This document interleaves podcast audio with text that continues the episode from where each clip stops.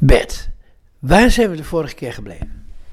We hebben het gehad over wat anatomische zaken van het oog. We hebben het gehad over uh, wat er gebeurt bij het, uh, bij het zien, althans in het oog. En uh, ik denk dat we daar nog een paar opmerkingen over moeten maken. Want wat gebeurt er als uh, het signaal, wat, wat opgewekt wordt als er licht op het netvlies komt, wat gebeurt er dan met het zenuwsignaal? Nou, dat zenuwsignaal wordt via zenuwvezels, zenuwvezels naar de oogzenuw geleid. Die oogzenuw die gaat de hersenen in en brengt uiteindelijk het signaal in die achterste hersenschors. Hè, onder het achterhoofd waar zich dan de waarneming afspeelt. Maar dat uh, gaat maar niet zo, dat gaat niet uh, linea recta.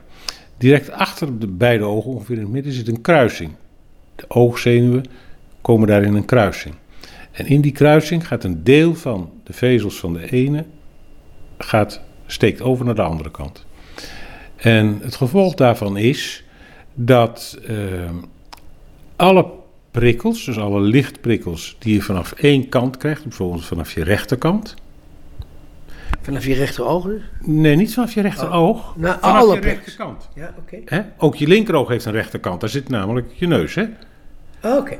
Ja. En het, uh, hè, maar vanaf de, de rechterkant, van de, je rechterdeel van de wereld die je ziet, zal ik maar zeggen, die wordt uiteindelijk verwerkt, visueel, aan de linkerkant in je hoofd. Hè, dus als er zich iets afspeelt, bijvoorbeeld je krijgt een infarct, ergens aan de linkerkant in je hersenen, in het gebied van de visuele geleiding, dan is het rechterdeel van je gezichtsveld weg. Maar dat betekent ook voor andere ledematen en zo? Is uh, geloof ik ook zo, hè? Voor, voor, voor een heleboel wel, ja. ja. Kruist het. Ja.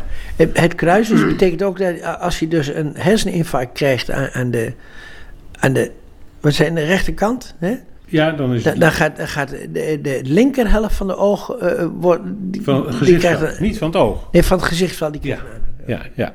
He, die ogen, die, he, dus de, de, het linkerdeel van het, van het gezichtsveld van het linkeroog verdwijnt. Als je het, het infarct rechts zat, mm -hmm. of nou halen we de zaken vreselijk door elkaar geloof ik. Hè. Het infarct in je hersenen zit rechts, daar gaan we even vanuit. Dat betekent dat het linker gezichtsveld wordt, is aangedaan. Dus dat betekent het linker gezichtsveld van het linkeroog en het linker gezichtsveld van het rechteroog tegelijkertijd. Ja.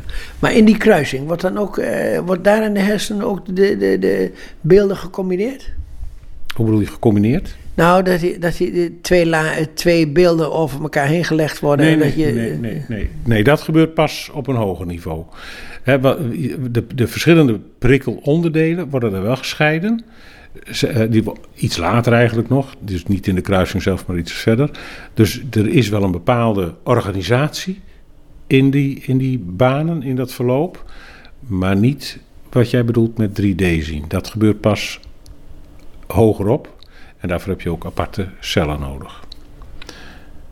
Goed. Uh, ja, waar we het dan ook nog even niet over gehad hebben, misschien dat ik dat toch ook even maar moet noemen. We hebben natuurlijk het oog zelf. Hè, dat hebben we nu redelijk behandeld, denk ik. De functie en de bouw. Uh, de hersenen die erachter zitten. Overigens uh, gebruiken we ongeveer 30% van onze hersenen voor het visuele systeem. En, uh, maar er is natuurlijk meer. Hè? Dat oog is beschermd. Er zitten bijvoorbeeld oogleden. En er is een traansysteem. Uh, dat zijn, ook, zijn allemaal belangrijke, belangrijke structuren. Het oog is opgeborgen in de oogkas ter bescherming. Waarvan iedereen dan ook denkt dat die tranen te maken hebben met emoties. Hè? Deels is dat natuurlijk zo. Uh, maar dat zijn reflectoire tranen. Hè? Dus dat zijn tranen die opgeroepen worden als je huilt, niest, lacht, weet ik veel wat. En die tranen worden geproduceerd in klieren die een beetje boven het oog, net achter de rand van de oogkas ligt. Maar daarnaast is er in de oogleden een heel systeem ligt daarin van allemaal kliertjes die niks anders doen dan zorgen dat die traanfilm, dat er constant een heel dun laagje traan, tranen over het oog heen uh, ligt. Dat moet ook, want het horenvlies moet vochtig gehouden worden, want anders gaat het kapot. En, ehm, dus je hebt twee... Eh, eh, Een soort, eh, een soort gieter die voortdurend eh, bezig is om het, eh, om het hoornvlies eh, nat te ja, houden. ja, niet één gieter, meerdere gieters, want het wordt ook nog samengesteld. Hè. Er moet dus een vettige component moet erin, en er moet een waterige component in. Hè, dus dat, dat, en die, die samenstelling moet dus ook keurig op peil blijven. Dus dat is een behoorlijk subtiel systeem. Het gevolg daarvan is dat je constant een net traanfilmpje over je oog hebt. Dus niet, niet te olieachtig, niet, niet te waterig. Dus het verdampt ook niet te snel. en uiteindelijk wordt het ook weer afgevoerd. Dat afvoeren dat gebeurt via traankanaaltjes aan de neuskant in je oogleden. Je kunt het in de spiegel kun je het zien als twee kleine bolletjes, twee kleine heuveltjes op de ooglidrand. En het zijn zuigmondjes, die zuigen die tranen op, voeren het af via een traanzakje wat tegen de neus aan ligt in de diepte. En dan kom- komen die tranen komen uiteindelijk in de neus terecht. Daar, daar, zit- daar zitten dan ook de stukjes van Klaas Vaak. Eh, ja, de Klaas, Vaak, de Klaas Vaak stukjes, dat zijn eigenlijk ingedroogde tranen. Hè? Die je 's ochtends ziet. Want eh, s s'nachts is de traanproductie eh, behoorlijk afgenomen bij de mens. Goed. Ik, ik denk dat we daarmee wel een, wel een beetje een indruk hebben van hoe dat oog eruit ziet. Hoe het op... Maar we zullen gaan, gewoon in, in het vervolg van de serie zullen we daar regelmatig op terugkomen. Ja. Ja, en eh, waar denk je wat, waar we nu eh, mee verder gaan? Nou, ik denk dat we ons af moeten vragen van... Oké, een oog. Een oog kan ook ziek, ziek worden. En op allerlei niveaus kan dat ziek worden. Er zijn ziektes van het horenvlies, ziekte van, het, nou ja, van alles. Ik bedoel, je kunt alle structuren in het oog, daar kan wel iets mee aan de hand zijn. Dus ja, hoe, hoe, hoe praat je daar nou over? Hoe, hoe behandel je dat? Hoe, eh, hoe kijk je daar tegenaan? Nou, wat je... Ik- zat me even te bedenken. Eh, j- jij wou het niet hebben over oogziektes, maar over oogaandoeningen. En, en hoe duid je nou eigenlijk aandoeningen ten opzichte van ziektes? Of, eh, Nou ja, je zou kunnen zeggen van het, het dekt natuurlijk elkaar voor een groot deel. Eh, maar als ik jou een klap op een oog eh, geef en dat oog wordt blauw of je hebt een scheurtje in je ooglid loop je op, dan heb je geen ziekte, maar wel een aandoening. Hè, dus dat, eh, dat, daar ben ik dan de schuld van. Maar het, er zit dus wel enig verschil in. Ik denk dat, dat normaal gesproken dat de begrippen inwisselbaar zijn. Hè, dus als je het over ziektes hebt en aandoeningen, dat maakt allemaal niet zo heel veel uit. klinkt wat mooier. Misschien. ja. ja. Maar als je nou kijkt naar, naar wat de ontstaansoorzaken van, eh, van aandoeningen, ziektes zouden kunnen zijn, dan kun je daar een aantal groepen in, eh, in hè, dus een aantal processen, een aantal eh, groepen in, in onderscheiden. Je kunt bijvoorbeeld zeggen van een oogaandoening, of wat voor aandoening, wat voor ziekte het ook, kan erfelijk zijn, aangeboren. Eh, het kan berusten op een ontsteking, op een degeneratie, dat is weer wat anders, op een probleem in de, in de bloedvoorziening. Er kan, tumorgroei sprake van, eh, er kan van tumorgroei sprake zijn. Er kan een eh, ongeluk eh, eh, kan de oorzaak zijn. Of het kan een vergiftiging zijn. Of een tekort aan, aan bepaalde stoffen, dus een deficiëntie. En het kan een combinatie van dat soort dingen zijn. Dus wat we zouden kunnen doen, dat is die groepen hè, de revue laten passeren. Wat, wat, zijn, en wat zijn daar dan de belangrijkste eh, eh, ziektebeelden die, eh, die we zo kennen, die we Ja. zo tegenkomen? Nou, en wat, wat prefereer je wat, wat je het eerst wilt behandelen?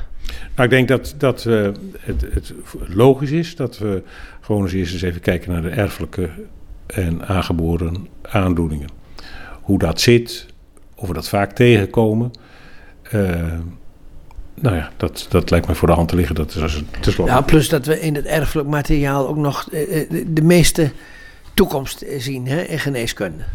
Nou, of het de meeste toekomst is, het is wel een gebied wat ongelooflijk in beweging is. En waar zich ontzettend spannend onderzoek aan het afspelen is. Waar, waar ook heel veelbelovende eh, resultaten geboekt worden op dit moment. We zullen het er nog wel even over hebben. Dat is, dat is wel aardig. Ehm, wat je zou kunnen zeggen dat, ehm, dat erfelijke aandoeningen of aandoeningen met een, een erfelijk deel komen denk ik redelijk veel voor. Ehm, ja, wat is dat, een erfelijke aandoening? Nou, bij een erfelijke aandoening gebeurt er wat met, met het genetic... Even, wat bedoel je redelijk voor? Wa- Eh, zoals, ik, zoals ik begrepen heb, zijn heel veel oogziektes hebben met leeftijd te maken. En, en, Ja, en de- met name de erfelijke, die komen in een veel vroeger stadium. Dat is niet gezegd. Een erfelijke aandoening kan zich pas openbaren eh, op het moment dat jij met pensioen gaat. Dan kan dat nog heel goed een erfelijke aandoening zijn. Ehm, de, de aandoeningen die je op oudere leeftijd krijgt, zijn meestal degeneratief van aard. Maar ook daar ehm, eh, speelt een erfelijke eh, Factor bij. factor. En degeneratief, dat is aftakeling. Ja, dat is functieverlies van weefsel en verandering van weefsel, waardoor de functie afneemt. En dat, En, en dat krijgt in want eh, in feite, als we maar oud genoeg worden, krijgen we alle oogziektes. ja, als je maar oud genoeg wordt, heb je, dan degenereert vrijwel ieder onderdeel van je lijf. Ja. Dat is inherent aan oud worden. Hè? Oud worden is in principe ook een degeneratief proces. Dat zit ingebakken in ons systeem. Oké, wat wil je nou eerst, het eerste aanpakken? We hebben nog ongeveer drie minuten. eh, deze. Eh, ja, oké. Nou, dat, dat, eh, nou, wa- wa- wat je kunt zeggen, dat is, en dat is misschien wel, wel een, een, een goed, goed idee om, om, bij, om in gedachten te houden. Ehm, erfelijke aandoeningen, dus, dus eh, problemen in de, in de genetische code, zoals je die van je vader en moeder krijgt, mutaties. ehm, komen redel- redelijk voor. Dat zei ik zo net ook al. Je vroeg eh, hoe redelijk dan? Eh, nou, laat ik dit, zeggen. Ik, ik- dat, dat als je naar de, de kinderen kijkt, hè, naar, naar kinderen met, of jongeren met, eh, met eh, visuele problemen, die met name in instituten, ik heb dat in het grijze verleden, heb ik dat ooit eens een keer uitgezocht, dan is de helft daarvan heeft een erfelijke oogaandoening. En dat zegt wel wat. Ik denk als je, als je kijkt naar onze, eh, de, de visueel gehandicapte mensen, zeker de, de, die jong gehandicapt zijn, dat daar erfelijke aandoeningen een belangrijke rol spelen. Goed, erfelijk is dus het gevolg van een mutatie. Betekent dus dat je het ook aan je eigen kinderen kunt doorgeven op de een of andere manier. Het kan ook spontaan optreden, hè, dus dat vader en moeder eigenlijk de, de, de, bij daar, daar de eerste fout zich afgespeeld heeft. Een erfelijke aandoening hoeft niet eh, te resulteren in een aangeboren aandoening. Het hoeft dus niet zichtbaar te zijn bij de geboorte. En andersom geldt hetzelfde. Een aandoening die bij de geboorte wel zichtbaar is, hoeft niet erfelijk te zijn. De bekendste daarvan is de toxoplasmose of de rode hond hè, bij baby's, waarmee ze geboren worden. Maar dan zijn ze, dat is niet erfelijk. Dat is een infectie van de moeder tijdens de zwangerschap. Hè, dat is dus geen erfelijke aandoening, dat is een infectie, alleen die ontstond voor de geboorte. Zo zijn er meer, eh, meer eh, Dus erfelijk is niet hetzelfde als aangeboren. Ehm, nou, je kunt eh, erfelijke aandoeningen kun je van, eh, van eh, die, die kunnen zich in, allerlei vormen kunnen die zich aandienen. Ik zei zo net al dat het helemaal niet gezegd is dat het zich op jonge leeftijd dan moet manifesteren. Het kan best zijn dat zich pas op de latere leeftijd een erfelijke aandoening eh, manifesteert. Eh, er is een, een aandoening van het horenvlies bijvoorbeeld. Eh, de, de, dystrofie van Fuchs heet die. Komt veel voor. En die gaat pas een rol spelen en zich manifesteren op de oudere leeftijd. En met name als jij ook staar krijgt en naar staar geopereerd moet worden, want dan dat kan de staaroperatie wat compliceren. En die mensen hebben hun hele leven nooit last gehad van, van dat probleem van dat horenvlies, eh, van die horenvliesdystrofie. Eh, dus dat, eh, het kan dus heel goed dat het pas op latere leeftijd tot uiting komt.